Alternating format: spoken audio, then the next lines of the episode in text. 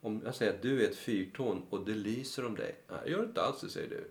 Jag står utanför och tittar på, det lyser ingenting. eh, det vill säga, jag är inte ens centrerad i mig själv. Mm. Och jag är inte medveten om att det lyser. Och varför är jag inte medveten om det? Jo, för någon jävel har stängt för fönsterluckor för alla de där fönstren högst upp. Mhm. Men om jag går upp för trappan, helst på insidan, inte på utsidan, och så öppnar jag fönsterluckorna. Så ser jag ju, ja just det, jag lyser ju hela tiden. Men det var någonting som satt i vägen för min Mm. perception utav det. Mm. Men om jag förstår att jag är ett fyrtorn, förstår hur jag ska ta mig upp i tornet, förstår att öppna luckorna, så har det lyst hela tiden där inne. Ja. Och det är det som är yoga för mig. Det är att komma underfund med hur det är, hitta luckorna och öppna. Det här är PLC-podden och mannen ni hörde är dagens gäst, Göran Boll, grundare av Mediyoga. Och i slutet av det här avsnittet så har Göran en överraskning till dig, alla som lyssnar på PLC-podden. En gåva faktiskt, en väldigt givmild gåva. Så stanna kvar och lyssna på hela avsnittet för att ta del av den här gåvan som du kommer få av oss. Hej och välkommen tillbaka till PLC-podden, podden som förändrar Sveriges syn på hälsa med mig Robin Hallsten. Och idag är det en intressant gäst vi har med oss för att eh, det är lite någon som har förändrat Sveriges syn på hälsa skulle jag vilja säga faktiskt med bravur. Så att det är en eh, väldigt, jag är väldigt eh, intresserad på vad vi kan luska ut, hur, hur vi kan ta hjälp av den här personen också för att lära oss mer hur vi kan förändra Sveriges syn på hälsa. Eh, han är skapare av Mediyoga institutet. Han är yoga och meditationslärare och föreläsare. Och säkert många andra strängar på den lyran. Välkommen Göran Boll till PLC-podden. Tack. Glömde en sträng, en vanlig snubbe också. En vanlig snubbe också, precis. I am. Mm. Det är ju någonting som vi också kommer dyka in i här tror jag under, under poddens gång också. Och någonting som är viktigt att poängtera också. Precis att eh, vi alla bara är vanliga människor som går på den här jorden. Mm. Eh, och eh, någonting som jag skulle vilja starta med. Jag har ju lite kompendium faktiskt som jag har haft med mig här.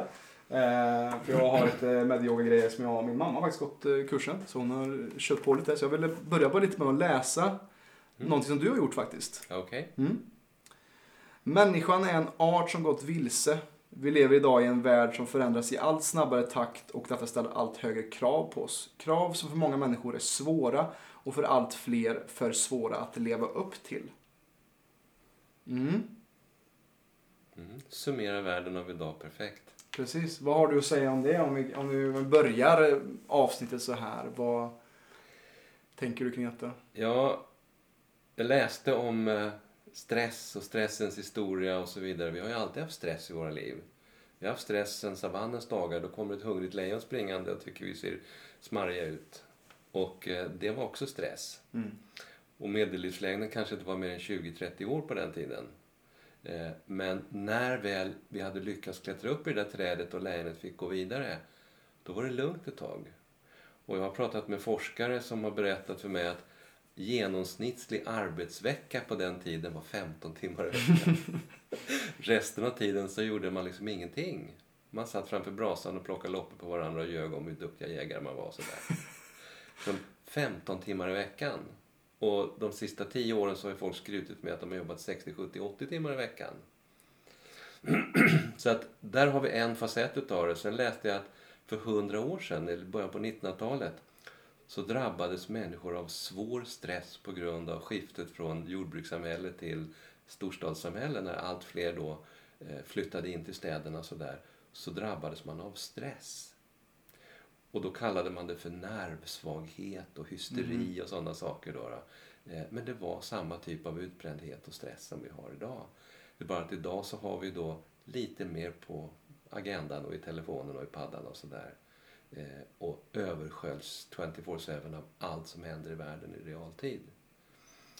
Och vi är inte riktigt byggda för det. Vi är byggda för ett lejon i taget. Och de där sista 40 000 åren har inte hänt så mycket med oss. Men världen har ju förändrats dramatiskt. Mm.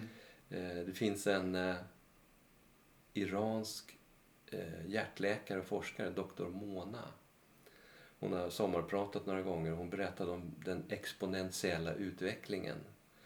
Och sa i sitt sommarprogram häromåret att eh, om vi ska försöka förstå vad som kommer hända under det här århundradet så räcker det inte med att vi går hundra år bakåt och ser på alla de otroliga fantastiska förändringar som har skett sen vi då klev in från plogen och in i stan.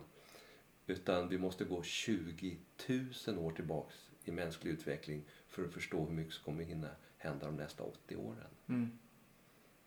Det, det, det är en intressant tanke. Ja. Och, och just precis hur mycket som har hänt just eh, eh, vad jag ser också till exempel med skärmar och den biten att det är väldigt invasivt för vår hälsa för att det Mm. påverkar, det stör oss ända in på, på sömnen. Mm. Eh, vilket gör att folk har svårare att sova idag. Mm. Eh, och eh, det hade vi inte ens för 20 år sedan, eller 10 år sedan till och med. Eh, och eh, om det är någonting som är viktigast för vår hälsa så är det just sömnen och dess anabola effekt på kroppen Mm. faktiskt. Det finns ju några basklossar. Liksom det är sömnen, det är maten, det är drycken, det är hur vi rör på oss Mm. och hur mycket stress vi har. Mm. Som, och det där med mat och dryck, det handlar ju också om toalettvanor. Det vill säga, hur ofta går vi på toa? Hur funkar det när vi går? Ja, Det vill säga, de där basklossarna, slarvar vi med dem, då spelar det ingen roll hur mycket vitaminer vi käkar. Alltså. precis. Precis, och det, det är någonting som vi snackar om mycket i PLC, just de här sex grundprinciperna som vi, som vi utgår ifrån, lite som de här som du varit inne på. Och så fort vi rubbar någonting litet i dem så ser vi ödesdigra kon- konsekvenser, även fast folk, nej men jag, jag kan sova fyra timmar per natt, det Mm. funkar. Mm. Ja, en, en viss period och det är det vi ser också i vårt samhälle idag, att vi, har, vi är så anpassningsbara till jättemycket. Från att ha levt på savann 15 timmars arbetsvecka till kanske 60-70 timmars arbetsvecka.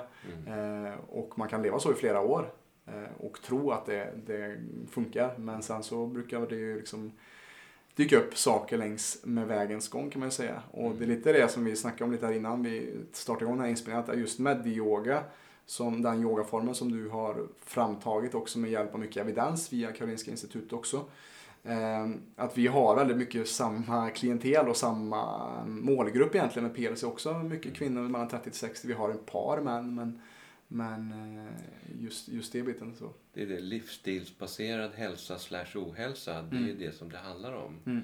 Jag tror amerikanska läkarförbundet sa redan för 15 år sedan eller något att 80-95 procent av allt det vi kallar sjukdom är stressrelaterat eller stressutlöst. Ja. Det, är så här, det, det är den liksom centrala biten. Mm. Och då får vi svårt att sova och så blir vi tröga i magen. Mm. Eh, Jag brukar fråga då när människor sitter i terapi med mig så frågar jag och funkar att gå på toa sådär? Absolut, regelbundet som en klocka två gånger i veckan. Just det, när man egentligen kanske ska ha 30 centimeter avföring varje dag. Mm. En till tre gånger per dag. Precis. Eh, Så där är det också så här, ja, det är intressant just också hur, hur man vänjer sig också vid en viss kultur kanske på jobbet att ja, man ska dricka mycket kaffe eller man Mm. ska, det, eller vad det nu än är för någonting som blir den normen. Mm. Och vi lever i en värld som är väldigt tagen ur sin natur. Mm. Eh, och jag tror det är kanske det som både vi håller på med just att vi försöker leda folk tillbaka till det mer naturliga. Det, det är inte svårare än så. Nej. Led tillbaka till de där naturliga beteendena. Mm. Och det är ju bland det svåraste som finns i dagens värld. Alla krafter drar oss i andra riktningar. Precis. Och alla har en agenda för oss. Exakt, exakt.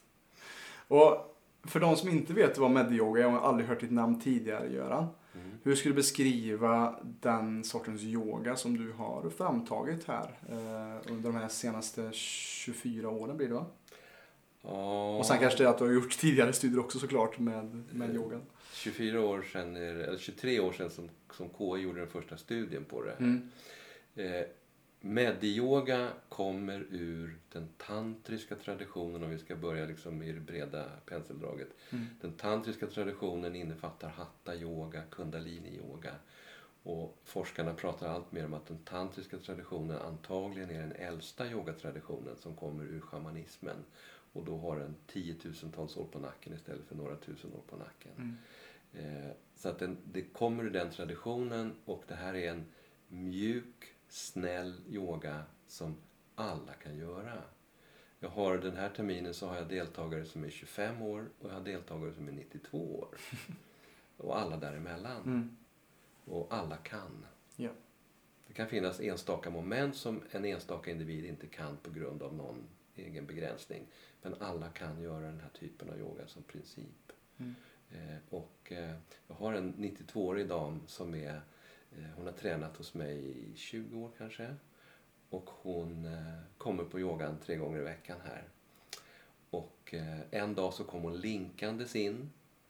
Och eh, då hade hon snavat och slagit hål på foten så det blödde om den. Men det hindrade inte från att komma på yogan. Nej. Och sitta i klippställning dessutom. Ja. Eh, och sen ringde hon här i förra veckan och sa jag kommer inte på yogan idag för de har dragit ut två tänder på mig. Men jag kommer imorgon. att eh, ingenting hindrar henne. Nej, och, och begränsningar är bara i huvudet kanske också för många. Precis. Eh, och ursäkter finns för de som vill ha dem. Mm. Eh, och det är lite det som jag, jag har hållit på med yoga i många olika former. Allt från medyoga till ashtanga till acroyoga och lite kundalini och sånt också i de åren som jag har hållit på. Fram, fram, fram och tillbaka lite grann. Just nu så gör jag inte så mycket men jag håller ett pass i veckan för våra klienter som är just sittyoga eller sittande yoga som är mycket baserat från saker som jag har gjort i medyogapass faktiskt får jag säga. Eh, och det är någonting så kraftfullt att många förstår inte hur mycket lite små övningar kan göra. Eh, och jag började faktiskt min dag i, i morse med lite research av dig och att också göra ett pass som du har på ditt IAM-projekt, ett, ett av dina nya grejer. Eh, fantastiskt jag kan varmt rekommendera det till er som lyssnar att, att kolla in det, det gratispasset för att det var jättebra faktiskt. Eh, och hur mycket, hur mycket det är skillnad med de här lilla sakerna. Och vad som är intressant var att också du har gjort så mycket forskning. Alltså du är en av de som gjort mest forskning på yoga i Sverige, kanske i världen, vad vet jag. Nej, inte i världen. Inte i världen, men, men i Sverige.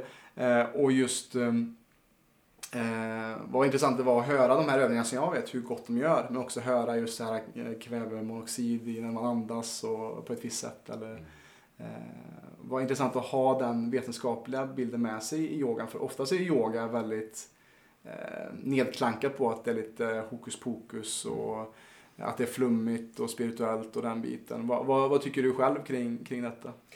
Ja, först om jag berör det här med att lite gör mycket. Mm. Så eh, delade jag scen en gång på Allt för hälsan-mässan med Maj-Lis Helenius som då är, är forskare på KI. Och hon berättade om en australiensisk studie där de hade tittat på stillasittandet och listat då alla skadliga effekter som det har på oss. Eh, och de tittade då på australiensare då som satt och tittade, bokstavligt talat satt i soffan fyra timmar per kväll och tittade på TV och Ja. sådär. Och då upptäckte forskarna att det räckte med att de skulle gå upp till kylen och hämta en öl. En gång i halvtimmen så försvann alla negativa effekter av stillasittandet. Oj. Det vill säga att röra på sig lite grann en gång i halvtimmen. Mm. Det räckte för att... Så att ibland när jag vet att jag ska sitta och jobba då sätter jag timern på 30 minuter så piper den. Även om jag är mitt inne i något så går jag ett varv runt centret här då och gör något. Mm. Eh, För att inte bli stillasittande för länge. Då. Eh, sen eh, när det gäller forskningen så när jag började titta på forskning, jag intresserade mig för forskning 95, eh, då frågade jag Karolinska institutet, finns det någon forskning på yoga i Sverige? För jag ville ta in det här i näringslivet. Och tänkte använda forskningen som en slags klo då för näringslivet. Mm. Eftersom yoga ju inte fanns i sinnevärlden riktigt på den tiden. Och då säger de på KI att nej, det finns ingen publicerad forskning på yoga i Sverige. Eh, Men du får gärna komma hit och sitta i vårt bibliotek och vi har datorer uppkopplade på Medline och där kan du se om det finns internationellt publicerad forskning. Så satt jag en hel dag i KIs bibliotek och så körde jag igenom Medline som då innehöll ungefär 7 miljoner forskningsrapporter totalt. Idag tror jag det är 30-35 miljoner forskningsrapporter i Medline. Och då fanns det 700 studier på yoga och eller meditation 1995 Mm. i Medline.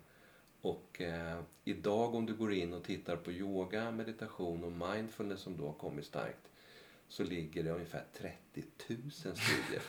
Från 700 till 30 000 Ja. på 25 år, Mm. 27 år. Så att det har varit en dramatisk ökning också av forskning på yoga Mm. de här sista årtiondena.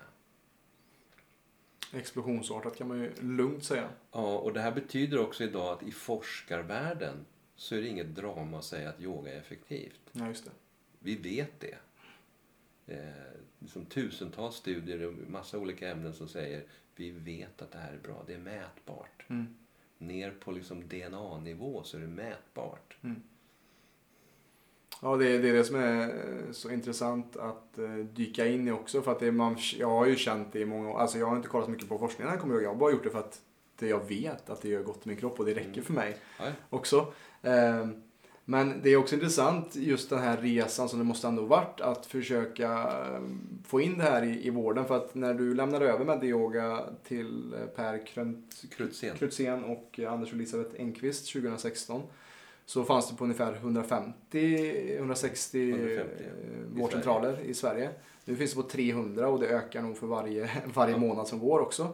Och det måste varit en jätteresa bara med att, att få till det till första vårdcentralen. Nu kanske det är lättare att få in det just. Att, men hur, hur, har, hur har den här resan varit? Eh, den, så att säga, resan från noll till ett, Mm. en vårdenhet som då var Danderyds sjukhus. Den tog ju då från det att jag började liksom reflektera över det här i samband med den första studien på KI Ja. som då gjordes 98. Mm. Och tänkte att det här skulle vara någonting för vården. Mm. Det, det, det första steget det tog 12 år. Mm.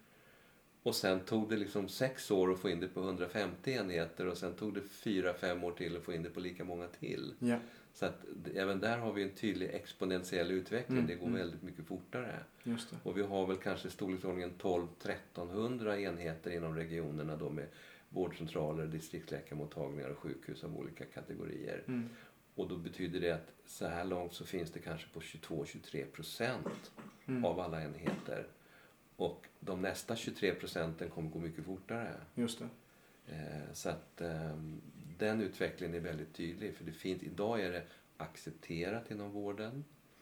Eh, och det finns på alla de här enheterna och det finns personal som jobbar med det. Alltså sjuksköterskor, eh, fysioterapeuter, läkare, undersköterskor som jobbar med det och som pratar om det. Och det forskas på det. Och då betyder det att att få in det på det första stället var det stora steget. Det var Mm. som att dyka från 10 meter första gången. Ja. Det är jobbigt. Mm. Sen går det lättare och lättare. Mm. Och idag i och med att det inte är något drama kring det längre utan ja men det här kör vi. De gjorde en undersökning på vid Mitthögskolan tror jag.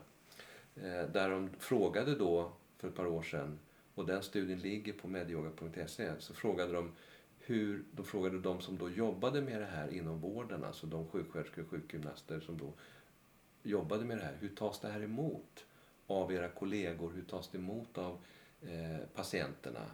Och det var liksom bara halleluja hela vägen. Mm. Mm. Alla tyckte att det funkade jättebra. Ja.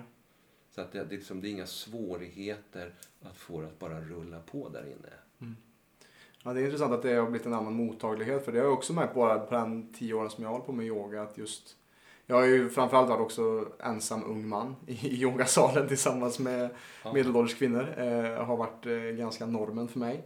Eh, men jag är ju, det har jag ju skitit i för att jag vet hur gott det gjort för mig. Men det är också när vi börjar med nya klienter så, så när man snackar med kvinnor så har de flesta prövat på yoga eller meditation och mindfulness på något, något vis eller annat. Så att det, jag tycker det är en jättepositiv förändring för att jag tycker också att det, vi snackar ju också mycket på PLC att ta tillbaka sin inre auktoritet Mm. och hitta då ett verktyg som inte krävs någon extern stimuli. Eller alltså att man, Precis. man med hjälp av andetaget, med hjälp av ett par enkla övningar kan reglera och självreglera sig själv tillbaka till hälsa, precis som våra kroppar är gjorda att göra.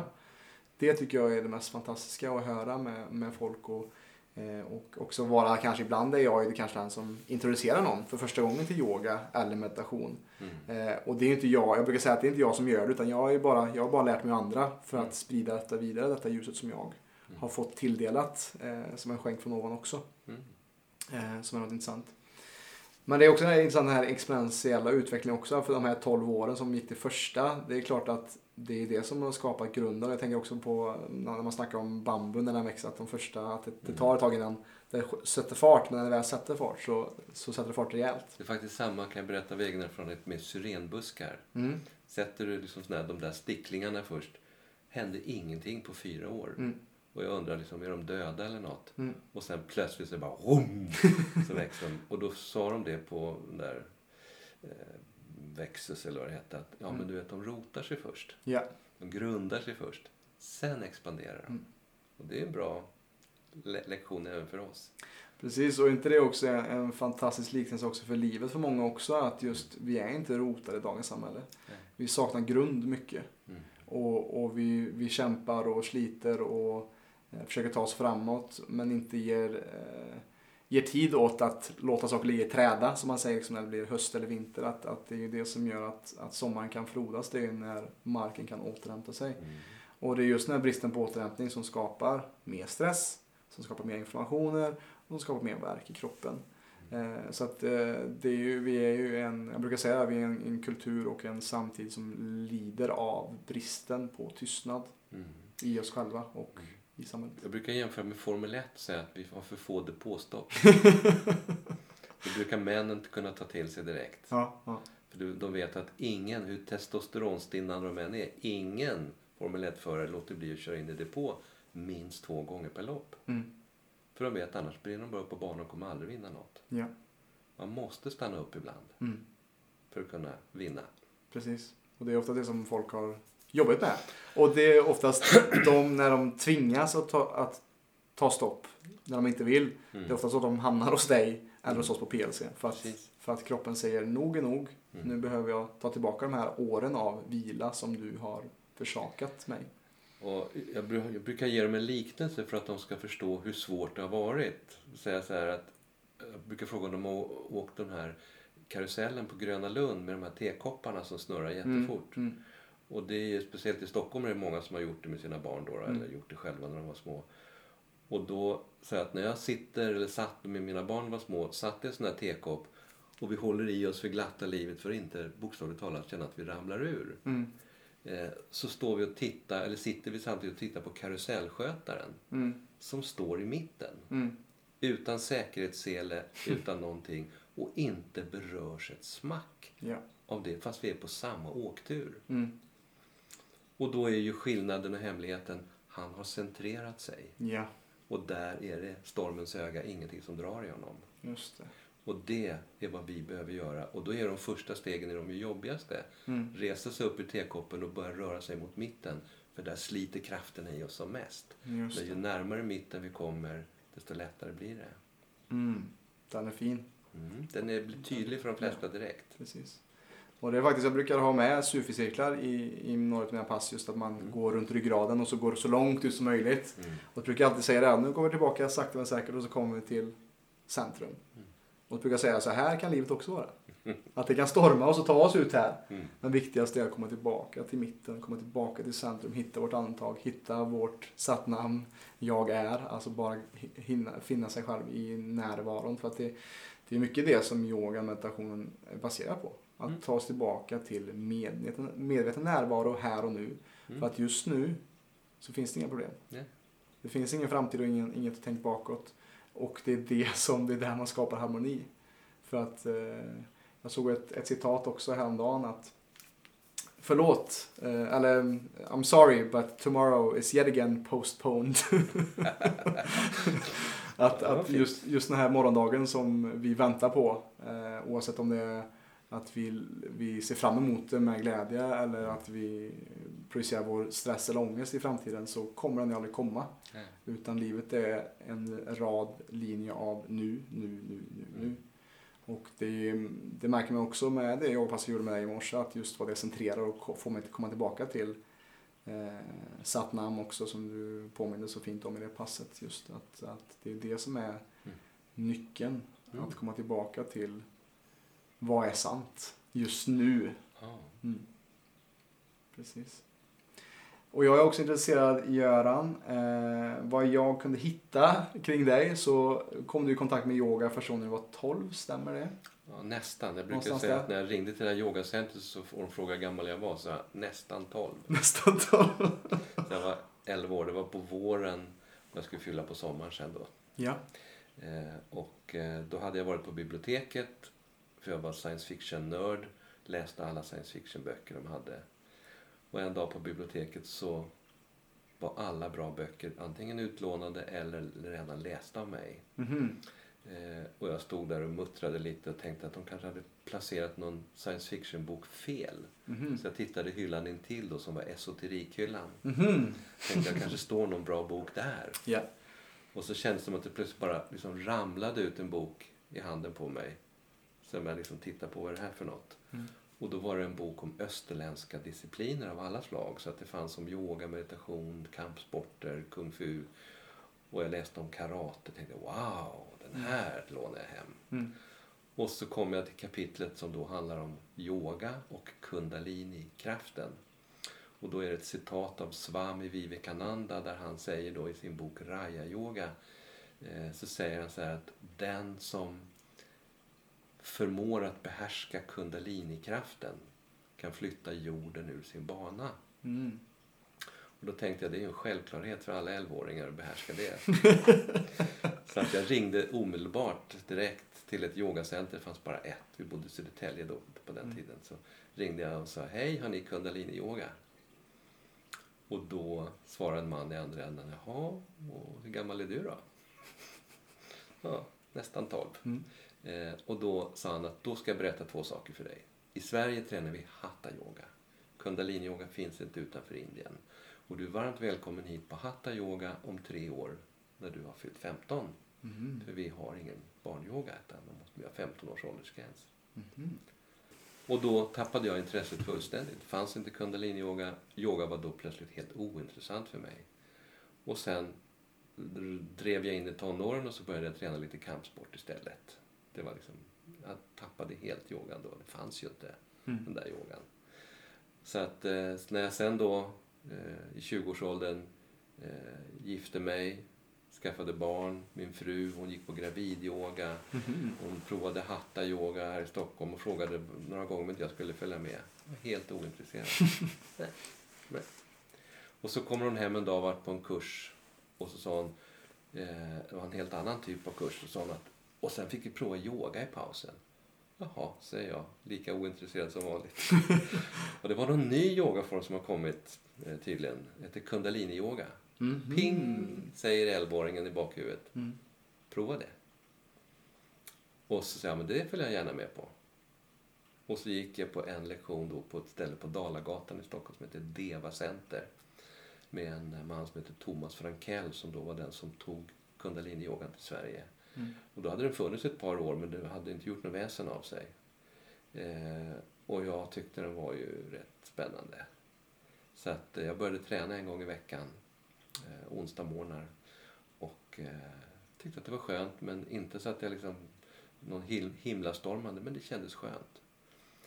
Och så låg det en lapp då i receptionen en dag i maj att eh, sen har vi en retreat i Värmland nu veckan efter midsommar. Kan vi träna yoga en hel vecka. Och då signade jag upp och så åkte jag iväg på den. Mm. Och där fick jag då en sån här kundalini-upplevelse som fullständigt förändrade tillvaron i Mm. grunden. Eh, så att eh, när jag kom ur den upplevelsen så gick jag till min yogalärare och sa att jag vill bli yogalärare. Mhm. Och jobbade då i fastighetsbranschen var liksom en helt annan del av tillvaron. Eh, kommer hem och berättar det för min fru som trodde jag blev helt tokig. Men sex månader senare så satt jag i en yogalärarutbildning till kundalini-yogalärare. Och halvvägs in i den så säger då Thomas att och sen så vet ni att ni behöver skapa egna grupper eh, som en del då av att eh, liksom, bli diplomerade här så måste ni ha lätt yoga själva också. Och då började andra fundera på om de skulle hyra någon gympasal någonstans och fråga om de fick leda yoga på stället där vi var och sådär. Så tänkte jag man kanske skulle prova att ta ut i näringslivet. Jag hade ju verkat där i 15 år. Mm. Och mina klasskamrater skrattade gott och rått och sa näringslivet. Komma dit i vita kläder och sjunga mantran med dem. Lycka till grabben. Jag trodde jag var helt tokig. Ja. Men jag sa, men det är bara frågan om paketering. Mm. Som presenterar det på ett bra sätt. Och då hade vi haft en stor sån här fastighetskris i Sverige med bankerna gick nästan omkull. Mm. Eh, där människor fick kicken från jobbet, de blev utkastade ur sina hem. Räntorna var uppe i 500 procent ett tag. Och eh, det var mycket stress. Eh, stressen fanns liksom inte på det sättet tidigare. Tittade man på 10 topplistan hos Försäkringskassan så var det ryggont som var den största sjukskrivningsfaktorn där i mitten på 90-talet. Eh, och det var därför som KI sen gjorde den här studien med mig på ryggproblem, Mm. inte på stress. Därför Mm. att det var fortfarande rygg 97 då när vi bestämde att det skulle göras en studie. Eh, då var det fortfarande rygg som var den stora sjukskrivningsfaktorn för det hade inte slagit igenom med stressen än. Eh, men då tänkte jag att men stressreduktion för arbetsplatser, det måste ju vara en klo.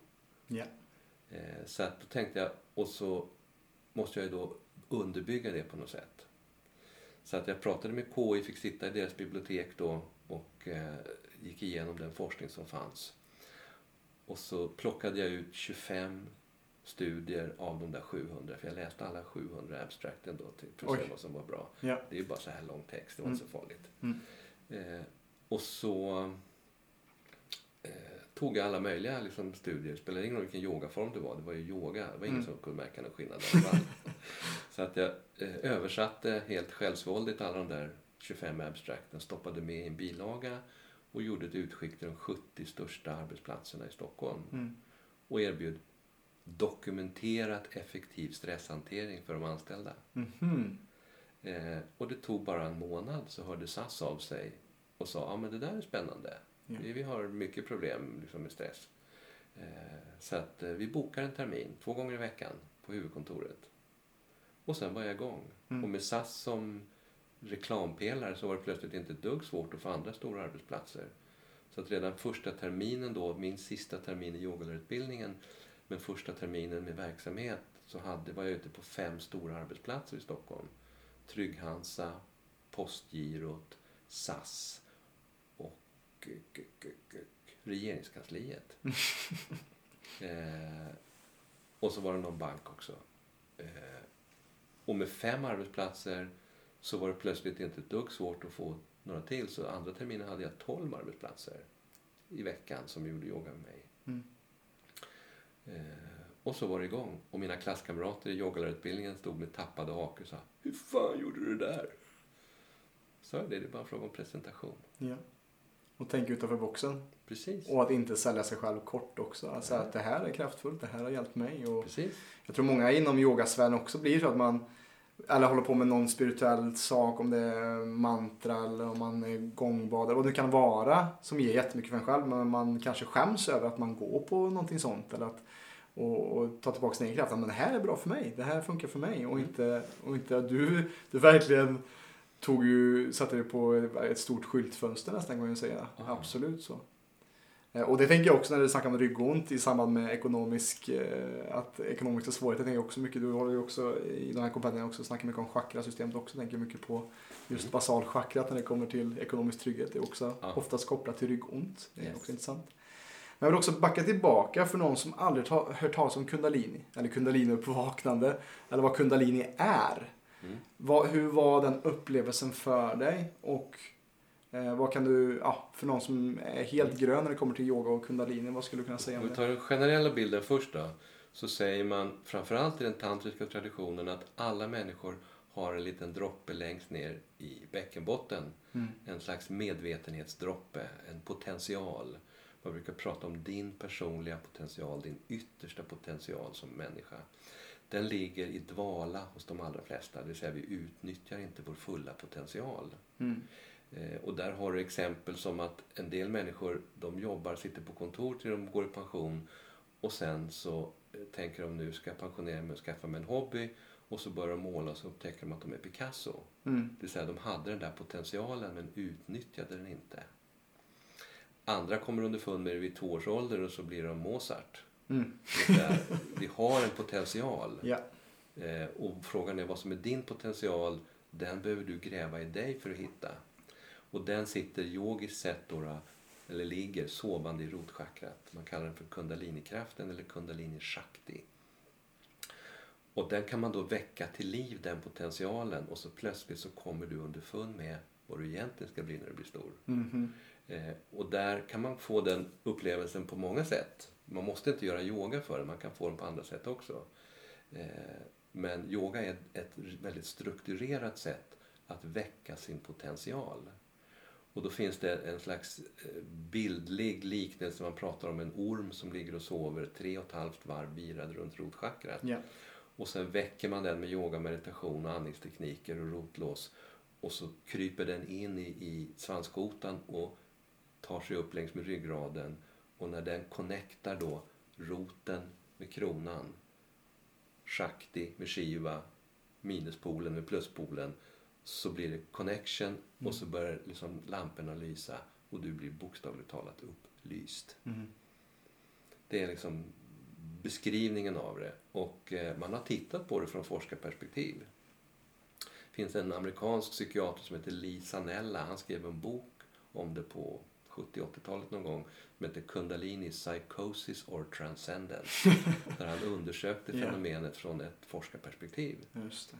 Eh, och han säger att tyvärr så är det väldigt sällsynt med rena kundaliniresningar. Det, Mm. det, det mesta av det vi kallar kundalini, det är andra saker. Mm. Men de rena kundalini-upplevelserna, de är inte så vanliga som man skulle tro.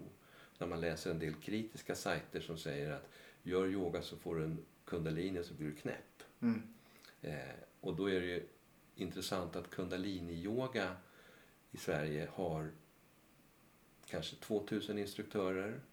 Mediyoga som kommer ur kundalini-yogan har 3000 utbildade instruktörer som gör det här med svårt sjuka människor, med hjärtproblem, med cancer, med psykiatriska diagnoser, palliativ vård. Ingen blir knäpp.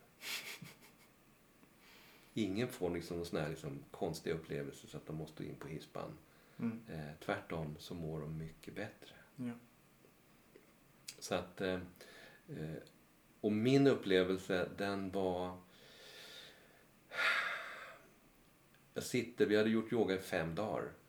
Eh, så här var femte dagen och eh, eh, vi började tidigt på morgonen. Då jag först sprang jag ett varv i skogen, badade i sjön och klockan sex så sitter jag på yogamattan. Och så gör vi då först yoga en timme och sen är det djupavslappning och sen är det en timme meditation. Och när vi kommer in i meditationen då så skulle vi recitera sju olika mantran. Och när jag kommer till det tredje mantrat så är det som att liksom, bara liksom, åh, kännas liksom konstigt. Liksom, jag bara skruvar på mig och så är det som att det liksom rör sig, bubblar. Och så, om man ska försöka beskriva det så är det som att jag å ena sidan vänds ut och in. Å andra sidan så är det som att det liksom skakar och så är det varmt och så är det ljus överallt. Och sen är det som att ett litet barn kommer fram och lägger en liten hand på hjärtat så här och säger du är här. och så och så sitter jag och grinar i 20 minuter och är plötsligt en helt annan individ. Ja. Eller mera grundad individ. Mm. Mm. Eh, och sen visste jag att jag plötsligt skulle byta bransch. Mm. Vilken, eh, vilken historia. Ja. Eh, för att det är ju mycket som jag ser med vad mantran och meditation och yoga gör med oss. Jag tar det tillbaka till nuet Mm. och, och just med att, att få bort mindet som man brukar säga. Just att, att just transcendera det. ja. Det låter lite som att det är lite det som hände eller att, att det var det som bara komma till komplett medveten närvaro och låta sig uppfyllas av det som alltid egentligen finns runt omkring oss skulle jag säga oss. Men som i all stress och hets, Inte ser, Inte ser. för. precis, för att det är osynligt för de som inte kan se det eller som är, har för bråttom att se det. Mm. Eh, och är det någonting som jag har upp- upptäckt mer och mer, som jag har vetat länge såklart också, men jag var också på ett satsang-retreat nu här i, på Södermalm i, nu i helgen och just kommit tillbaka till allting som man tror man projicerar på framtiden eller har tänkt om sig själv, vad man tror att man är, är egentligen bara projektioner. Och, och vem är man egentligen i nuet? Vem väljer du att vara? Mm. Eh, För att det är så, jag jobbar också med mycket klienter som säger att nej men jag har misslyckats med, jag har misslyckats med så mycket saker i mitt liv så att det är klart att jag kommer misslyckas Mm. med det här också. Mm. Men då ser man ju sitt liv från en lins av man projicerar från sin dåtid till sin nutid eller till sin framtid till och med. Mm. Eh, och att inse att i varje ögonblick så finns det potential att starta om på nytt. Yes. Att starta om på nytt här och nu och som, som jag tycker är så viktigt att du sa också här i början att eh, jag, jag kommer här och du är med yoga, du skapar det här och det här och det här. Men du är också en vanlig människa. Mm. Det är det. En vanlig medmänniska. Nu ska jag berätta en hemlighet. Jag har inte gjort något av allt det här som jag har pratat om. Mm. Det har fallit i famnen på mig. Mm. Jag har stått still och så har folk kommit till mig och säger Vill du vara med i forskning? Mm. Eh, och komma in i sjukvården. Som de tyck, alla mina liksom, i kretsen omkring mig sa det kommer ju vara ännu svårare än att få in det i näringslivet, det fattar du väl? Det slutade med att vården frågade mig om jag inte kunde utbilda deras personal så de kunde få börja lära ut det här till sina patienter. Det, vill säga, jag, liksom, det bara föll på mig. Mm. Och det, är- det är någonting visst med, med just när man eh, lägger sig i linje med hjärtat. Mm. Eller när man, när man, det är ju också det med kundalini, alltså en rak ryggrad så att man kan låta det flöda. Mm. Att man kan bli det här instrumentet för det gudomliga som jag brukar säga som att det är. Mm. Och att som du säger, att det, då faller saker i ens famn istället för att man kämpar mot vad samhället säger att man ska jobba mot. Mm. Ehm, och eh, som, som jag ser också det som du har gjort, det har ju krävt jättemycket jobb av dig för att ha, göra detta. Men också att eh, gör man saker från hjärtat eller gör man saker med hög medvetenhet och närvaro så kan man göra nästan mer än någon som Absolut. stressar fram och tillbaka. Mycket mer och mer effektivt också. Absolut. Men jag kan ha jobbat 60-80 timmar i veckan i åratal. Mm. Men jag har aldrig stressat. Nej. Eh, och jag har bara tyckt wow! Att få hålla på med det här. Mm. Mm.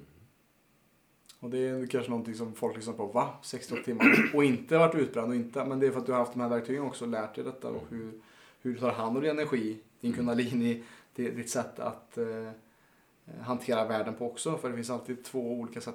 Du kan ha två människor som gör exakt samma sak. Men gör de det från rädsla? Mm. Eller gör de det mer från en känsla av kärlek eller helhet? Mm.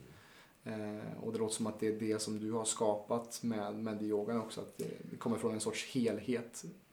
Så är det. Och när det gäller medyogan så är det också så att medyogan blev ju jätteframgångsrik.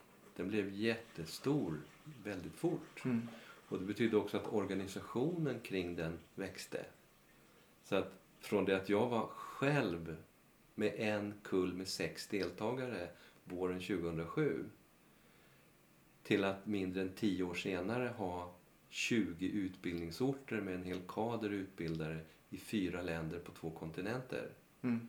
Eh, det sa liksom bara swish på nio år så var det en organisation. Ja.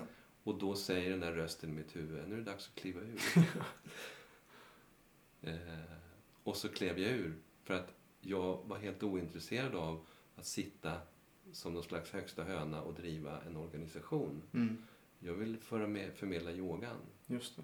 Just det. Så då klev jag ur och så började jag från scratch. Mm. Intressant. Att, att vara med och bygga upp någonting och sen också kunna koppla bort ego kanske från att jag har skapat det här och detta är mitt och, och kunna lägga det vidare till någon annan som kanske kan förvalta det ännu bättre. Absolut, och det, min efterträdare förvaltar väldigt bra och gör de där sakerna som jag kanske inte skulle ha tänkt på att göra. Ja. Eh, men jag kände att det, det finns alltid en risk att egot kommer med i bilden an, Mm. annars. Mm. Den stora liksom, mogulen Ja. som har liksom, alla de här utbildningarna och, och Mm. så vidare. Och jag är helt ointresserad. Mm. Intressant. Och jag tänker också så här, det kan ju inte ha varit en spikrak resa heller eh, med den här utvecklingen med media också. Det måste ha varit lite growing pains som man säger. Ja. Vad, vad har varit mest utmanande längs med den här resan för dig och din organisation kanske också? Jag säga att de tidiga utmaningarna var ju att den kom inte igång. så att, eh, jag, jag, min första plan var att utbilda kundalini-yogalärare, vidareutbilda sådana med två års utbildning, vidareutbilda dem ytterligare ett år till yogaterapeuter och se om de kunde komma in i vården. Så att, det planerade jag i fem år, eh, att utveckla en sån utbildning. Och sen fick jag igång den med 30 deltagare som då var kundaliniyogalärare som jag själv hade utbildat. Eh, och insåg efter redan en halv termin av de där två terminerna det här kommer inte funka för att ta in det här i vården. Mm. Så att då klev jag ur där också och vi var två stycken som hade skapat den där utbildningen. Då sa jag till min kollega det här får du fortsätta driva själv, vilket han gör fortfarande då, Mm. engelsman. Eh, för jag vill göra det på ett annat sätt. Och så klev jag ur och så skapade jag en utbildning direkt för vårdpersonal. Och första terminen då, två anmälde sig. Sen var ingenting att- att starta upp ens. Andra terminen då, våren 2007, då anmälde sig sex stycken. En fysioterapeut, en eh, företagssjuksköterska och några till. Och då sa jag, jag testar att få igång det. Och så fick jag väldigt bra liksom, feedback och sådär. Tänkte, ja men jag är nog på rätt spår. Körde hösten 2007, hände ingenting. Jag tror det var åtta stycken anmälda och sånt där. Det, det händer ingenting. Kundalini-yoga-lärarutbildningarna som jag hade då drivit, där hade jag dubbla kullar hela tiden med minst 25 i varje kull. Mm. Eh, och här hände liksom ingenting. Nej. Och då eh, kände jag Hans Axelsson. Och då kontaktade jag honom och frågade, ska vi inte kunna prova ett år och köra ett joint venture? Att jag kör min utbildning under ditt paraply. Och så eh, ser vi om det händer något och så delar vi på intäkterna. Han fick 60, jag fick 40. Mm. Och så eh, med hans apparat och så drog det igång jättebra. Så 2008 på våren så hade vi 30 stycken varav en då ryggkirurg som var en av grundarna av Spine Center som gick den utbildningen då. Och så rullade det på och plötsligt så var det igång. Mm. Och efter ett år så sa vi tack till varandra och så fortsatte jag då jobba med den på egen hand. Så det tog några år eh, innan den liksom så lossnade. Mm.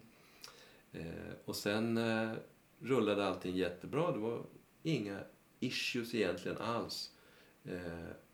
Hösten 2009 så säger då Danderyds sjukhus efter att ha gjort en studie på hjärtinfarktpatienter att det här är spännande, vi vill fortsätta forska och vi tar in det här nu till vår eh, eh patientgrupp med hjärtinfarktpatienter. Eh, men ni har ju ingen utbildad personal, sa jag. Nej, men det får du fixa. Så att du får ta hand om verksamheten här åt oss under första halvåret och utbilda samtidigt Mhm. ett halvt dussin sjukgymnaster. Så då gjorde jag det och sen tog de över verksamheten då vid halvårsskiftet Mm. 2010 och rullar fortfarande där. Mm. Eh, Och sen så eh, växte det och växte och nya studier kom till, nya eh, enheter hörde av sig. Karolinska Universitetssjukhuset ville göra studier på hjärtsviktspatienter. En vårdcentral i Nora ville undersöka det här på eh, primärvårdspatienter med psykisk ohälsa. Eh, Centrum för primärvårdsforskning i Malmö gjorde en studie på högt blodtryck. Eh, Så att det rullade på med mycket forskning, rullade på med mycket media. Media var ju som tokiga på det här när det kom in i vården. Mm. Eh, Det hade stått mycket om mig redan innan eftersom yoga då fanns i näringslivet. Så jag var omskriven då i Svenskt Näringslivs tidning, Veckans Affärer, Dagens Industri och så vidare hade skrivit artiklar om mig. Och nu så kom det då, oj, in i vården för första gången i Skandinavien. Reguljärt med yoga för hjärtpatienter. Wow! Så att vi var huvudnyhet på Rapport och TV4, fick sitta i soffan hos Malou. Ja. BBC kom över till Sverige och gjorde ett reportage som sändes globalt då i mars-april någon gång 2010. Så att det var mycket media, mycket forskning och mycket verksamhet överhuvudtaget. AstraZeneca är ett intressant exempel. Läkemedelsbolag, de startade med yoga redan 98 då som en Okej. del av stresshantering då för de anställda. För jag tror det var en AstraZeneca-anställd som hade råkat ut för sån här plötslig vuxendöd som blev väldigt omskriven eh, som bara dog i, med näsan i filofaxen. Oj, Eh, jobbade 100 timmar i veckan. Och så. okej. Ja. så att de tog in det där Shit. och eh, de har det fortfarande. Mm. Alltså 24 år senare så Mm. har de fortfarande, den verksamheten rullande Mm. med yoga och meditation på, i Södertälje. Mm. Och då så rullade det under ett antal år så hade vi både öppna klasser men de hade också rehabiliteringsyoga för sjukskriven personal. Mm. För de upptäckte att yogan var den mest effektiva rehabinsatsen de hade på läkemedelsbolaget AstraZeneca. Okej. det känns lite paradoxalt, men, Ja. men eh, intressant tycker jag. Jätteintressant. Mm. Och, en fjäder i hatten för dem tycker jag. Ja, att de ja. som säger vi är ett läkemedelsbolag, vi tjänar pengar på piller men vi tycker att det här är jättebra. Mm. Just det. Ja, det hade jag inte räknat med att få höra faktiskt. Men eh, jag tänker också, för det låter ju som att, eh, att hemligheten kring att lyckas med det här är att liksom fortsätta även fast man har, alltså för många som har en dröm kanske, ja men det kommer bara två pers. Det är ingen, det är ingen idé att fortsätta. Men så länge man har en, en tydlig vision och en bild och sen så också låter det som att vad som gav dig lite extra skjuts var samarbete. Att just jobba ihop med andra och inte bara dra det här lasset själv. Absolut. Eh, och det är någonting tror jag som, som vi har snackat om också just i, i teamet i PLC också. Att, eh, att jag har länge velat jobba med hälsa och på det här sättet att hjälpa andra. Men det hade varit väldigt svårt att göra det helt själv och Mm. med det teamet vi har så är det lättare och det är också en, tror jag, en lärdom för de som lyssnar också att be om hjälp eller, eller sträck ut en hand och säga Mm. att du vill skapa något ihop och hitta... Expandera nätverket. Precis, Det precis. är, det är, för mig är det framtidens sätt att jobba. Mm, Det vill säga inte hierarkiska organisationer, men öppna nätverk mm, där vi stöttar varandra. exakt. Det är ju det enda sättet framåt tycker jag också för att då blir det också vi har alla lä- att lära av varandra och inte att någon ska hålla på, på en kontakt eller, eller på resurser utan man kan fritt dela med sig. Mm. Och det är det som är så fint som med podd eller Youtube att, att alla kan lyssna på det här och, och kanske lära sig någonting och ta med sig det helt enkelt. Mm. Men jag, jag tänker eh, göra någonting som, som jag tycker var intressant när jag gjorde ditt pass eh, i, i morse här.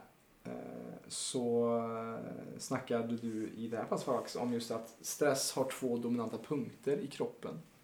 Käken, halsen och även bäckenbotten, ryggen. Mm. Eh, Kan du prata lite om det från kanske också ett vetenskapligt perspektiv? Jag tänker ju, jag tänker ju själv mycket på, jag har inte läst lika mycket vetenskapsnämnd, men jag tänker mycket på vagusnerven, halschakrat. Mm. Eh, Jag tänker också på att man håller sina masker Mm. i med ansiktet, att man sätter på ett leende när man kanske inte vill. Mm. Och så tänker jag också mycket på psoasmuskeln då. Mm. Eh, Och det var det jag ville också fråga lite för att jag, det var också inslag av TRE. eh, David Berzellis Mm. jobb, jag vet inte om det Jag är utbildad i det. du är det? Okej, för det var också intressant att, att göra det passet. Så kan du, ja, nu blir det en lång fråga här, men kan du prata Ja, lite om absolut. stressen kring detta? Ja. Vi tar geografin först. Mm. Eh, så har vi två så att säga, tydliga stresszoner rent fysiskt i kroppen. Mm, Vi har axlar, nacke, käkar. just det. Vi biter ihop. Liksom, och det är en rent evolutionär grej. För att kommer ett lejon eller något annat, en fiende springande, så kurar jag Mm, och gör mig redo att slåss med dig. ja. Och då är det den här rörelsen, skydda mjukdelarna, halsen, bröstet så här. Och så så. Och då kurar jag ihop. Och då är det så det ser ut i det moderna livet. Kontraktion då, Ja. för, er som inte kollar. Och eh, den andra stora delen det är bäckenregionen. Ja. Därför att kommer ett lejon springande då måste jag kunna springa och då måste jag ha energi i bäckenet. Det vill säga de stora musklerna, iliopsoas, de stora lårmusklerna, magmusklerna. Jag måste kunna klättra upp i det där trädet. Mycket energi som samlas i den där delen av kroppen för att explosivt kunna rädda livet på mig själv. Ja. Kamp eller flykt. Och det där funkar ju jättebra om det kommer någon som jag slåss med. Mm. För då får jag ur med den där energin. Kommer ett lejon som springer på mig och jag klättrar upp i träd så får jag ur med den där energin. Men hur ofta händer det i det moderna livet? Mhm. När chefen skäller på en eller man missar bussen eller sitter i en trafikkö och missar ett viktigt möte. You name it, liksom alla den moderna. Så skapar det samma grundläggande, för rent evolutionärt har vi inte förändrats så mycket på de där 40 000 åren. Utan det är samma reaktionsmönster i mig idag. Men idag får jag inte utlopp för det på samma sätt. Och då betyder det att det samlas istället, det ackumuleras. Och så går jag till tandläkaren som säger du biter ihop va? Ja, gnisslar tänder på nätterna. Och så får jag en bettskena som tandläkaren säger är okrossbar. Och så går jag hem och biter sönder den. Mm. För det är sådana enorma krafter här. Eh, och eh, jag läste siffror från Försäkringskassan. Det skrevs ut 25 000 nya bettskenor förra året i Sverige. Säga, det är en del som går omkring och biter ihop rätt hårt. Mm, mm. Eh, och när vi får problem i den nedre delen så får vi problem med stela ben, stela höfter som får försämrad cirkulation och så får vi sätta dit en titanhöft till slut för att som höften har helt liksom, förkrympt sig då, då för den får ingen energi, ingen cirkulation, bara spänning. Och så får jag ländryggsproblem, vanligaste ryggproblemet vi har. Ospecificerat dessutom, för de hittar inget fel när de röntgar. Mhm, Utan de säger att det är ospecificerat. 80 procent tror jag Mm. av all ryggsmärta är ospecificerat. Och det är ländryggen som är den stora skurken. Då, då. Ja. Det vill säga, jag får en massa problem i den där regionen när jag inte får ur mig energin utan den ackumuleras och då stannar den som spänning. Och då går jag omkring stelbent och är spänd hela tiden. Mm. Och det här skapar en massa andra hälsoproblem för det påverkar hormonellt, cirkulatoriskt och så vidare. För om jag är stressad så går mera blod ut till de här muskulära delarna och mindre blod in till matsmältningsaspekten i kroppen och så får jag sämre matsmältning och tarmen blir trögare och så vidare. och så vidare. Immunförsvaret påverkas. Mm. Så att det är eh, den geografiska aspekten utav Mm. det här. Och det jobbar vi med i yogan. För som du nämnde också vagusnerven då som sitter, börjar i hjärnstammen här bak. Den går ner här på sidan i halsen. Och den går ända ner i tarmsystemet. Det är den längsta nerven som vi har i kroppen. Och det är lugn och rosystemets, en av de stora nervbanorna för lugn och rosystemet. Innehåller 80 000 nervtrådar som så att säga låter kroppens inre organ prata med hjärnan. För 90% av trafiken går nerifrån och upp. Mm. Eh, och eh, att jobba med vagusnerven då med olika enkla nackövningar eller olika flexövningar, vridmoment. Eh, det aktiverar, stimulerar parasympaticus via vagusnerven. För det, det är det som är nästan det viktigaste jobbet som jag har på PLC. Jag är den i, teamet som är själscoach, brukar vi kalla just, just att jobba mer med meditation, avkoppling, eh, yoga, den biten. För att det är eh, just det som du beskriver. Och det är så fint tror jag att jag, vi ska, kan dela med oss av att det också våra klienter, att de får höra mer en vetenskaplig approach till också. Hur allt hänger ihop. Mm. Eh, och det är samma det med ländryggsproblem också. Det är ju när har du mycket stress så funkar inte magen. Och det kan bli inflammation och särskilt när vi äter mycket eh, skräpmat som kanske mycket gluten och vitt socker och, och sånt då, som också kan störa Mm. eh, och göra att, att man saknar stabiliteten som magen ska ge. Och det påverkar också vår rygg och sånt också. Yes. Så att allting hänger ihop som, och det är det som vi jobbar med, det holistiska perspektivet, precis som du ser kroppen som en enhet och inte som Ja, nu har vi ont i ryggen, nu ska vi operera här. Mm. Utan vad kan vi göra för övningar och hur kan vi tänka också kanske mer rätt för att, eh, Mm. att hjälpa till här helt enkelt. Och där kan jag berätta en rolig anekdot. Den här ryggkirurgen som jag berättade om som gick då eh, instruktörsutbildning i medyoga hos mig på Axelssons första terminen där. Som var med och grundade Spine Center. Eh, väldigt duktig ryggkirurg. Han berättade för mig när han gått två års utbildning eh, till medyoga så fortsatte han jobba som ryggkirurg.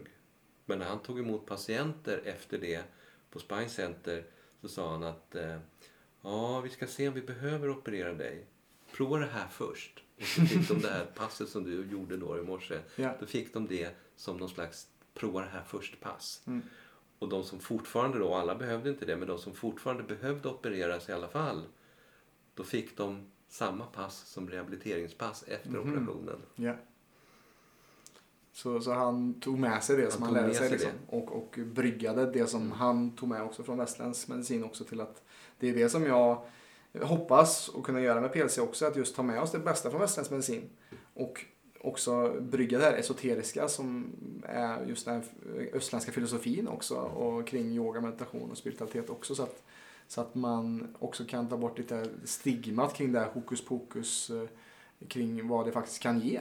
Mm. Eh, för det finns mycket, mycket som det kan ge. Eh, Oh ja. Eh, Och apropå kirurg så läste jag nyligen en text om ayurveda. Och då visade det sig att ayurvedisk kirurgi fanns för 6000 år sedan. Eh, Och redan för 3000 år sedan så gjorde man så kallade nose jobs. Okej. Så att om du idag är en Hollywoodskådis som tycker att du behöver räta ut din näsa så går du till en plastikkirurg som Mhm. rätar ut den så får du ett nose job. Mm. Eh, För 3000 år sedan då handlade det om andra saker men man gjorde fortfarande nose jobs. Okej. Eh, och, eh, för då handlar det om att om du var en kvinna som var misstänkt för otrohet eller om du var en tjuv som åkte fast så var ett av straffen du fick var att man skar näsan av dig. Oj. Och då gick de till ayurveda-kirurgen som satte dit en plastikkirurgad konstgjord näsa på dem för 3000 år sedan. Okej.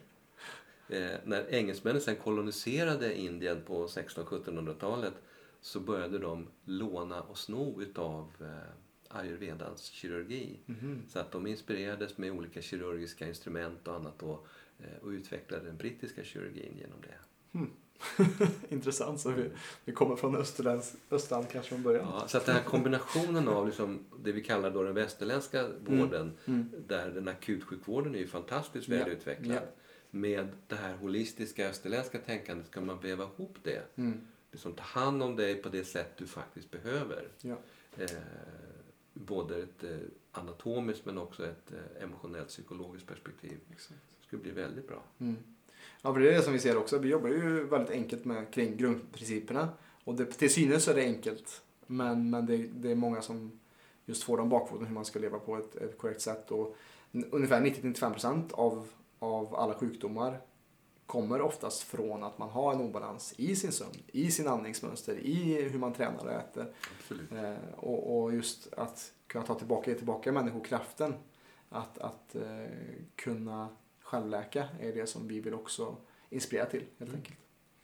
Men jag vill också komma tillbaka eh, till TRE, för det är Mm. också något som jag tycker är intressant, just David Berzellis eh, jobb och som du sa att du har utbildat dig i det också. Jag har gjort Mm. en kurs eh, som utövare, inte som, eh, som eh, instruktör. Men jag finner också väldigt intressant just det här eh, kring att hur vi kan släppa på stress genom att skaka.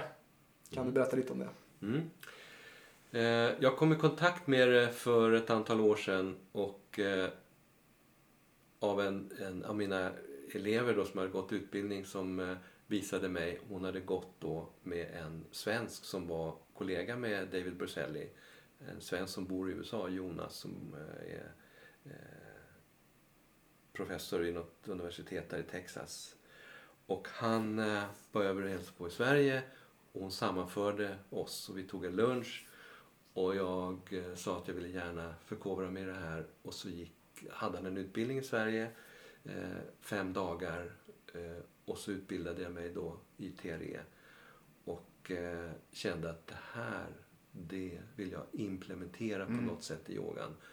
Och då hade jag ju då precis börjat släppa med-yoga för att liksom utveckla I am-konceptet.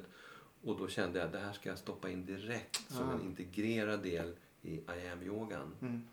Och la den då precis före långa vilan. Så att när vi har Mm. gjort alla övningarna. Ja. Därför att i TRE så ska du göra ett antal övningar först då, då för att liksom jobba med benen till exempel. Mm. Med, med benböj eller andra grejer. För att liksom jobba med benen men gör vi ett helt yogapass först. Då räcker det. Det. För att som systemet sen ska eh, börja darra. Mm. Och eh, principen bakom TRE det är ju en rent evolutionär däggdjursgemensam mekanism. Alla däggdjur har en. När jag har överlevt en kamp-flyktsituation så säger moder natur, vad kul att du överlevde det här. Nu ska vi försöka få dig att överleva om det kommer ett nytt lejon om fem minuter. Och så börjar kroppen att skaka. Inte för att jag fryser, inte för att jag är rädd, utan därför att musklerna ska skaka loss spänningen. Så att jag inom några minuter igen är redo att hoppa upp i nästa träd. Och det kan man se, vi fick se filmer under utbildningen då på rådjur som klarade sig undan en lejonattack. Eh, två gäss som simmade mot varandra, bråkade och simmade vidare. Och man kan se hundar och katter som har råkat ut för något, hur de som skakar. Alla däggdjur gör det. En naturlig reaktion. Eh, och vi har på något sätt tryckt undan det så mycket i vårt högoktaniga, stressiga, moderna samhälle. För att det är lejonattacker hela dagarna. Ja, det är mail och det Vi är... hinner liksom inte stanna upp och Nej. säga Utan, okej det var det. Okej, där kommer chefen. Okej, nu är det möte. Mm. Eh, så att det har jag implementerat i alla I am-pass. I alla mina klasser. Och alla deltagare skakar. Ja. spelar ingen roll om det är en 25-åring eller en 92-åring. Alla skakar. Och jag har också då börjat utbilda i IAM. Och då ingår det i den utbildningen att de ska gå en TRE-utbildning. Eller Jonas har skapat ett eget koncept kring det här som heter Wabing. Så om du går in på Waving med W. Eh, Wabing.se om jag kommer ihåg rätt. Det kan vara kom också. Eh, så eh, eh, kan du då gå en utbildning online med Jonas. Och det är ett krav för alla som vill gå och bli instruktör hos mig idag. Du Mhm. måste också gå det parallellt. Okej. Därför att det ingår i IAM-passen. Mm. Och då ska du gå en ordentlig utbildning i det. Mm. Ja, det, det är kul att se hur det också, typ att du tar med medyoga och sen integrerar någonting nytt i det också och se att det är inte komplett liksom, att det, det finns nya saker till. Absolut. Och det, de gifter ihop sig fantastiskt. Precis, precis. Och för de som lyssnar så TRE står ju för Trauma Release Exercises. Eh, och eh, om inte jag, du kanske kan rätta mig också, men det var för att ta, han tog fram det för just PTSD-överlevare, oftast krigsöverlevare. Ja, Afghanistan, Irak, Ja. krigen då så eh, kom de ju hem helt eh, sabbade. Mm. Och eh, vi fick se filmer från det också under utbildningen. Efter bara några veckor med TRE Mm. så var det dramatiska förändringar. i Mm.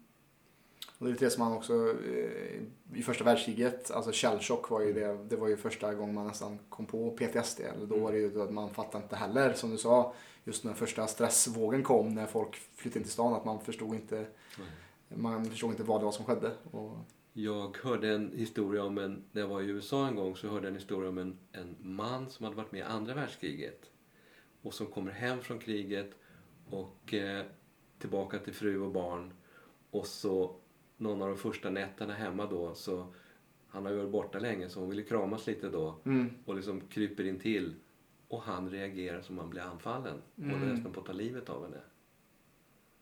just det, Därför att han reagerade instinktivt utifrån sina k- trauman i kriget. just det. Ja, för det, för det är ju läskigt hur mycket trauma kan just undermedvetet också. Eh, så många som är traumatiserade från ung ålder också. Att man tar med sig det i livet och tar med sig den smärtan Mm. omedvetet i sitt eget liv Mm. och åsamkar sig själv det gång på gång. Men också i nära relationer och kanske att man inte kan knyta an eller vad det nu än kan vara. Mm. Eh, och att komma åt den här stressen genom den fysiska kroppen kan ju också leda till att man kan eh, öppna upp det mentala också såklart Mm. i, i den processen. Så det är väldigt, väldigt eh, vackert att höra hur du har integrerat det i, i din nya, ditt nya projekt här. Eh, som är, eh, som vi sa tidigare, 2016 så lämnade du över Medyoga till Per Krytzén och eh, Enkvistarna. Eh, och nu är det I am-projektet som du håller på med. Mm. Kan du berätta lite vad, vad, är, vad är det? Ja, eh, 2015 så...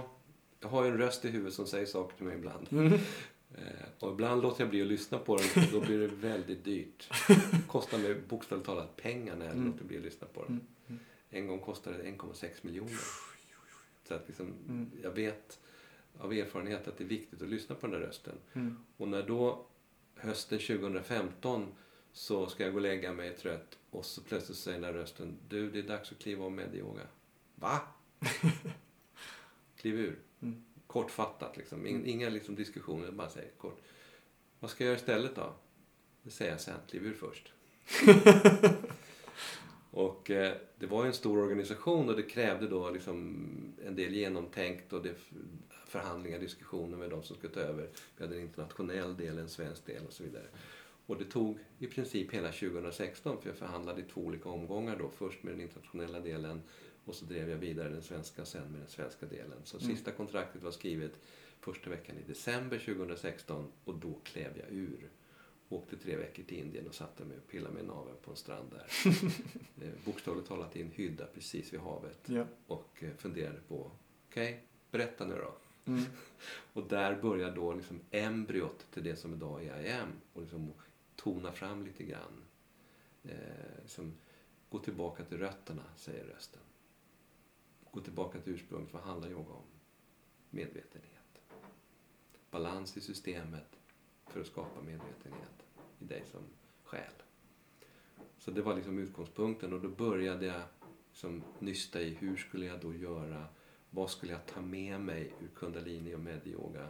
Som, och hur ska jag utveckla det här? Så började det sakta, sakta växa fram eh, under 2017. Jag började testa det lite smått. I mina kvällsklasser så stoppade jag in några av de här nya Mhm. passen jag hade skapat och fick fantastisk respons. Människor som hade kanske tränat yoga hos mig i tio år sa det där var något nytt. Mm. Det där tog mig mycket djupare. Wow, bla bla bla. Och då fortsatte jag utveckla det och så 2018 så eh, försvann alla medyogapassen och så var det bara I am.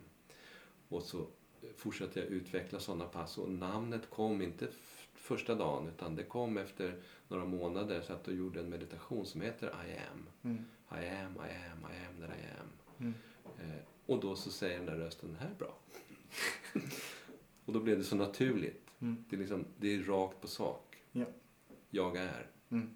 Vad är det då? Ja, det är det jag ska liksom komma underfund med. Mm. Och det jag faktiskt kommer underfund med, det är det som definierar både mig som individ men också min världsbild. Om jag säger att jag är bäst eller jag är sämst, jag är stor eller jag är liten, jag är liksom det ena eller det andra, så speglar det också direkt hur jag ser på mig själv och världen. Så det passade perfekt tyckte jag. Mm.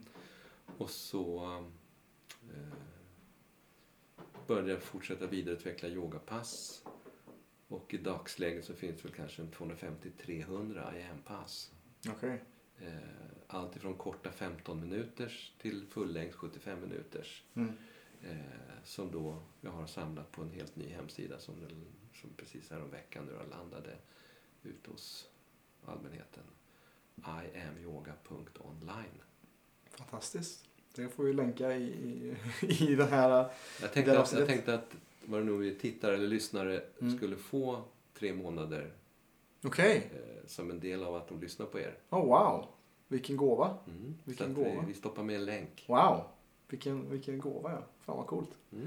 Vad, vad, är- vad är det då, för jag tycker det här med I am är ju så fantastiskt just det konceptet. För att det, det, det är ju allt och ingenting lite grann. Och lite som just med när det kommer till yogan, satnam, jag är sanning, sanning är min identitet. Mm.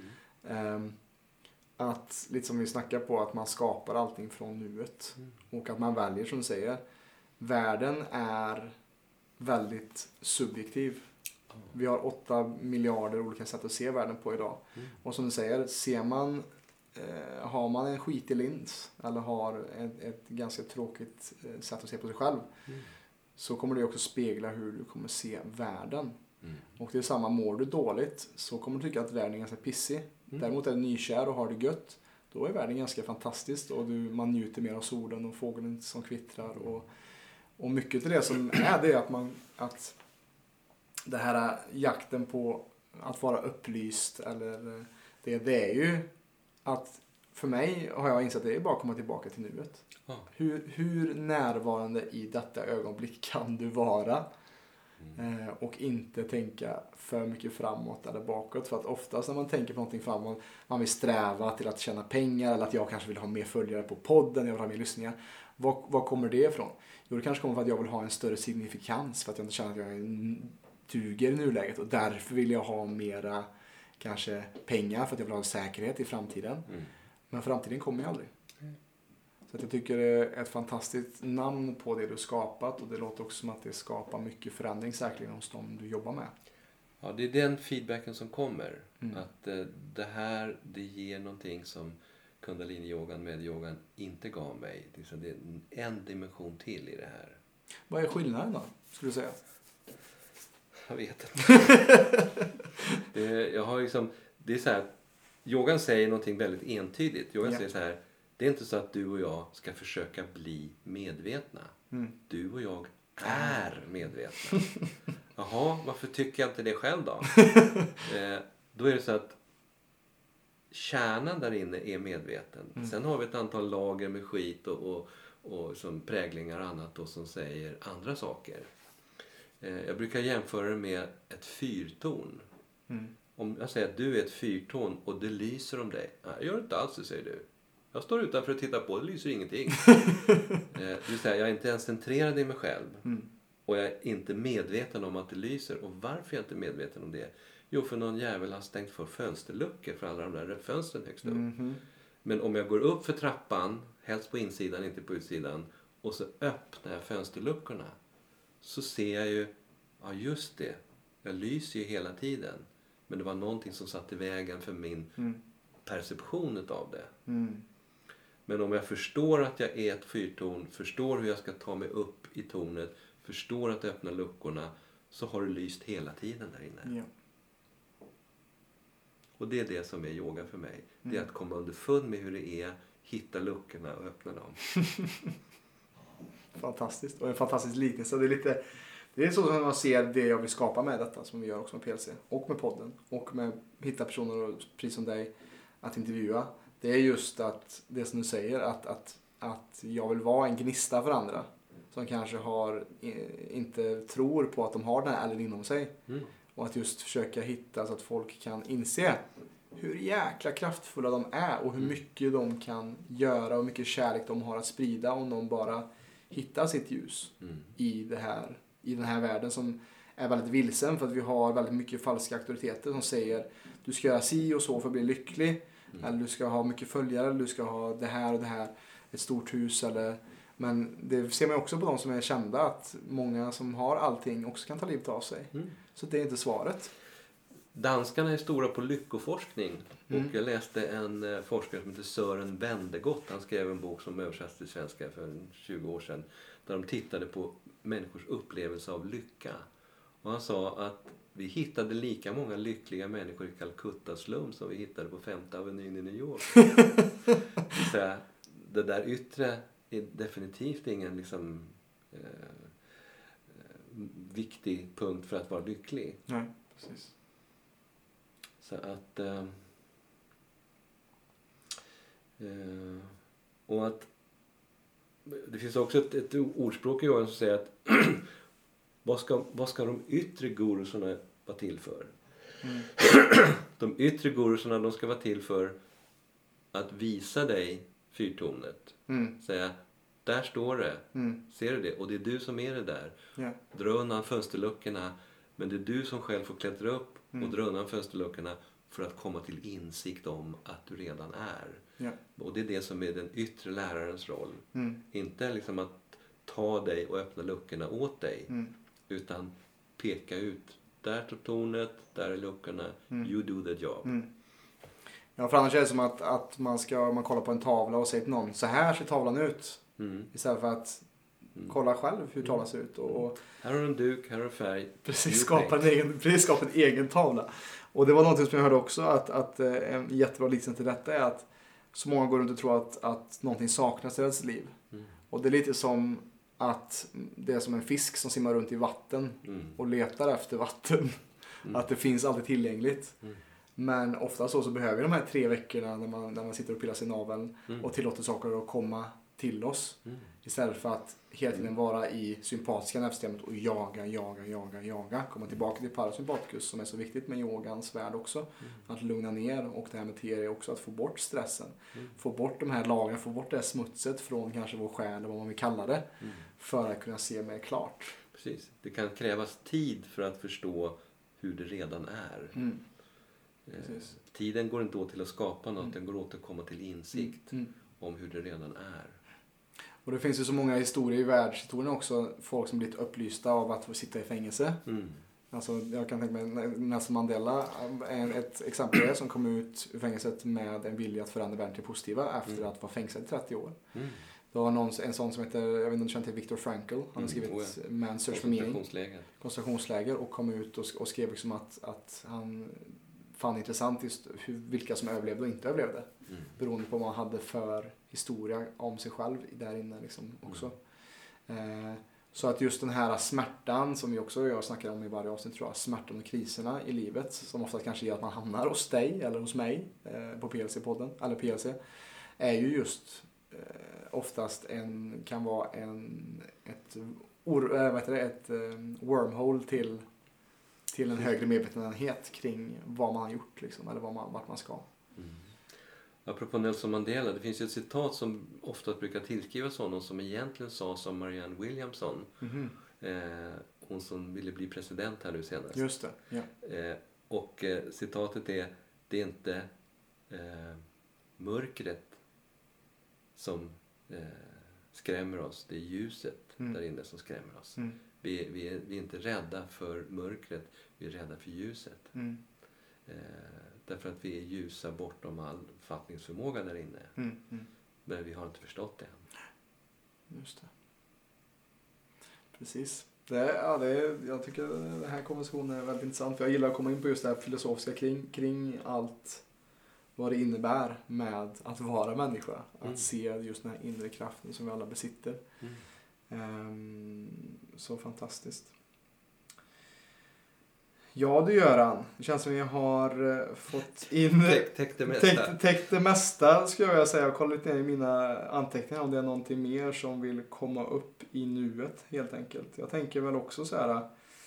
ehm, Vad, vad ser du när du kollar lite i din spåkula här framöver i ditt liv med IAM-projektet och vad, vad vill du vad vill du bringa till in i framtiden? Världsherravälde.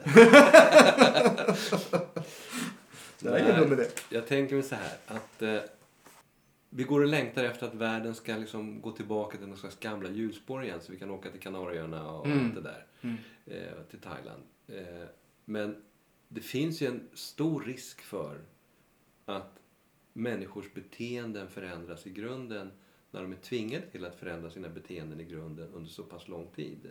Ja. Eh, och plötsligt så gör människor gärna någonting online idag som de inte gjorde gärna online tidigare. Därför att de har vant sig vid det. Och tekniken på olika träningscenter och yogacenter och annat förbättras. Och plötsligt så var det ganska bekvämt. Ungefär som att jag läste en intervju med eh, affärsresenärer som sa att de här affärsresorna som är över dagen, de kommer antagligen helt dö ut. Mm. Och det kommer påverka flygbolag, hotell och annat då. För att folk kommer sluta göra den typen av, av korta resor. Flyga fram och tillbaka till London över dagen eller sådär. Vi tar det via Zoom istället. Eh, sparar tid och pengar, enorma pengar. Eh, och eh, de förändrade beteendena, de tror jag kommer att sitta kvar. De kommer inte se ut exakt som idag, men de kommer inte att förändras tillbaka till det gamla. Eh, speciellt inte alls som tekniken utvecklas så dramatiskt fort. Jag tror att det var Apple och det var Microsoft som ska komma med nya såna här glasögon nu. Med 15 kameror i, som bara väger ett hekto. Mhm. Eh, som då plötsligt kommer att förändra hela upplevelsen av både eh, AR och eh, eh, VR. VR. Mm. Eh, och den typen av tekniska innovationer kommer att öka också dramatiskt. Och plötsligt så kan det vara som att jag sitter hemma på en yogamatta i vardagsrummet men när jag har glasögonen på mig så är det i allt väsentligt så som om jag sitter i yogasalen. Mm. Och varför ska jag då åka två mil eh, fram och tillbaka när jag kan göra det här? Spara liksom f- 90 minuters restid Mm. och få bara den där timmen yoga sen är jag tillbaka hemma igen. Ja. Den typen av förändring, den tror jag kommer komma. Mm. På gott och på ont. Mm. Därför att det kommer innebära att vi blir mer isolerade från andra. Men det kommer också innebära att vi förändrar våra beteenden och kanske får lite mer lugn, får mer tid i våra liv. Just det. Eh, och där ser jag att IAM ska spela en roll både för dig som vill komma hit men också för dig som vill sitta hemma. Och det är därför jag har investerat hittills 50 000 på tekniken där i yogarummet för att den ska bli så bra som möjligt. Mm. Både ljudmässigt och visuellt. Eh, och den kommer fortsätta utvecklas allt eftersom nya möjligheter kommer. Så att du ska kunna sitta hemma. Och då betyder det att de svenska klasser jag har, har jag plötsligt då halva Skandinavien som tänkbara deltagare. Just det. Eh, och sen nästa år så kommer också IAM på engelska. Och då finns plötsligt hela den engelskspråkiga världen som eh, liksom, tänkbar yogaklass. Mm. Mm. Så det är världsherravälde som du är ute efter? Ja, lite på skoj. Men att, att liksom nå ut. Ja. För det är så att jag har ju, som jag har gjort yoga så länge och också varit med internationellt i Mm. olika sammanhang under många år så känner jag ju mycket människor över hela världen. I både liksom Europa, i USA, i Indien, eh, Australien och har då möjlighet att liksom nå ut med IAM. Just det. Och eh, det ser jag en fantastisk gåva till, till människor, eller till mänskligheten. Alltså just att ge den, den ron och det lugnet som eh, yogan som du har skapat gör också med roten från kundalini och just det eh, var ett väldigt behagligt sätt att starta dagen på. Eh, och jag kommer länka det, som, det här passet som jag snackade om i, i show notesen här till det här avsnittet. Så vad kul, det låter som en väldigt intressant framtid för dig också och, och fortsatt mycket jobb. Ja, jag, jag, jag lyssnade på en intervju med George Lucas en gång. Mm. Eh, så sa han, vad ska du göra nu då? För han höll på att sälja då eh, till Disney. Just det. Eh, vad ska du göra nu då? Ja du, sa han. Så här är det. Jag har ju alla pengar jag någonsin behöver. Mm. Eh, och jag har tid. Mm. Liksom, eftersom jag liksom styr min tid själv. Men jag vet att jag kommer bara kunna åstadkomma en bråkdel av allt det jag har på min to-do-list. Därför att jag har så mycket projekt som jag vill göra. Ja, ja. Eh, och tiden kommer inte räcka till. Mm. Så det är inte så att du kommer pensionera dig och, och så eh, Nej. ligga och dricka lådvin. Jag har redan intecknat nästa inkarnation också. du har redan beställt en förbeställning där. Mm. Intressant. Du Göran, jag tänker att vi ska runda av det här eh, Okej. avsnittet med någonting som du har i Eldens stig och ljusets källa. Ett kompendium som du har eh, via Medioga. Jag vet inte hur många år på nacken har den här. Den där skrev jag väl runt 2010-11 någonstans. Just det. Så detta är, detta är väl en, ja, en dikt kan man väl säga. Jag vet inte var den kommer ifrån men jag tänkte läsa den för eh, du får eh, Jag berättar efteråt, jag vet inte vilken det är, så jag berättar efteråt var den kommer ifrån. sen. Ja, jättebra. Så du som lyssnar kan ta ett djupt andetag, hitta närvaron och så kommer jag med min eh, sköna stämma helt enkelt läsa detta som avslutningsvis och sen så rundar vi av. Du är en odödlig själ på väg genom tid och rum som sjunger din sång och dansar din dans in vid skapelsens fötter. Andas nu djupt in i dig själv in i kärnan, in i stillhetens center.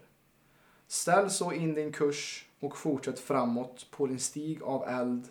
Överlämna dig själv till ljusets källa. Mm. Den där har jag i och för sig skrivit själv, men jag starkt inspirerad av en vacker sång som heter Kabirs sång av Snattam Kaur. Kabirs sång från en av hennes CD. Eh, Den lyssnade jag mycket på, den är jättevacker. Mm. Och du kommer känna igen några av raderna därifrån hennes text då, som hon sjunger. Men jag så att säga, eh, inspirerades av den. Just det. Kabir sång. Ja. Jag tyckte, för jag bläddrade igenom här i morse lite i den kompendium och den här bara, den bara stod ut till mig. Så det var fint att kunna dela den här med er som lyssnar och er som kollar också. Och eh, stort tack Göran för att du har gett vikt din tid i detta, detta nu till, till, till mig och till PLC-podden. Eh, och eh, är ni mer intresserade av att eh, veta mer om Göran så vart kan vi hitta mer om dig Göran? iamyoga.online Mm. heter hemsidan och där står det om yogan, det står om mig och det står om I am. Precis, och där så snackar du också om att en tre månaders Där kommer på. alla eh, poddens eh, lyssnare och tittare att Ja. få en länk som ger dem från att de loggar in tre månader framåt med eh, obegränsad tillgång till alla, allt innehåll där. fantastisk gåva som inte jag, jag är själv överraskad faktiskt vad jag säga. Eh, så tack för det. Och lyssnar du på podden och kanske första gången du hör min röst, eh, eh, PLC-podden kanske är det första avsnitt. Så om du vill veta mer om PLC, de holistiska livsstilsförändringar som vi hjälper människor att nå i deras liv, så kan du gå in på www.plclub.se för att läsa mer om hur vi jobbar och också tidigare klienter. Och såklart mera, mera content har vi på Youtube och på Spotify helt enkelt med podden. Och eh, känner du att det här samtalet inspirerat dig eller rört dig på något sätt och vill inspirera nära och kära till att lyssna in på min och Görans röst, det här samtalet om medyoga, om livet generellt och lite mer kanske mer kring andlighet och ett annat sätt att se på livet. Så dela för all del gärna med dig av den här länken till det här avsnittet till en när och kär så att vi sakta men säkert kan förändra Sveriges syn på hälsa. Och de får ju även de då tillgång till den här yogalänken. Just det, precis. Så det blir en fin present som Skicka vidare. man skickar vidare. Jajamän. Och med det Göran så tackar vi för oss för den här gången och eh, hoppas att eh, vi ses och hörs snart igen. Tack så mycket för att jag fick vara med. Tack. Kanon. Grymt. Tack för att du har lyssnat på det här avsnittet av PLC-podden. Och som sagt, vi har en gåva till dig för dig som har lyssnat på hela det här avsnittet. Göran kommer helt enkelt att erbjuda tre månaders gratis tillgång till hans yoga hemsida. Och den länken finns också i beskrivningen av den här podden. Men du kan också få den här av mig www.iamyoga.online plc-podden alltså www.iamyoga.online plc-podden Använd denna länken för att få tre månaders medlemskap till Görans hemsida.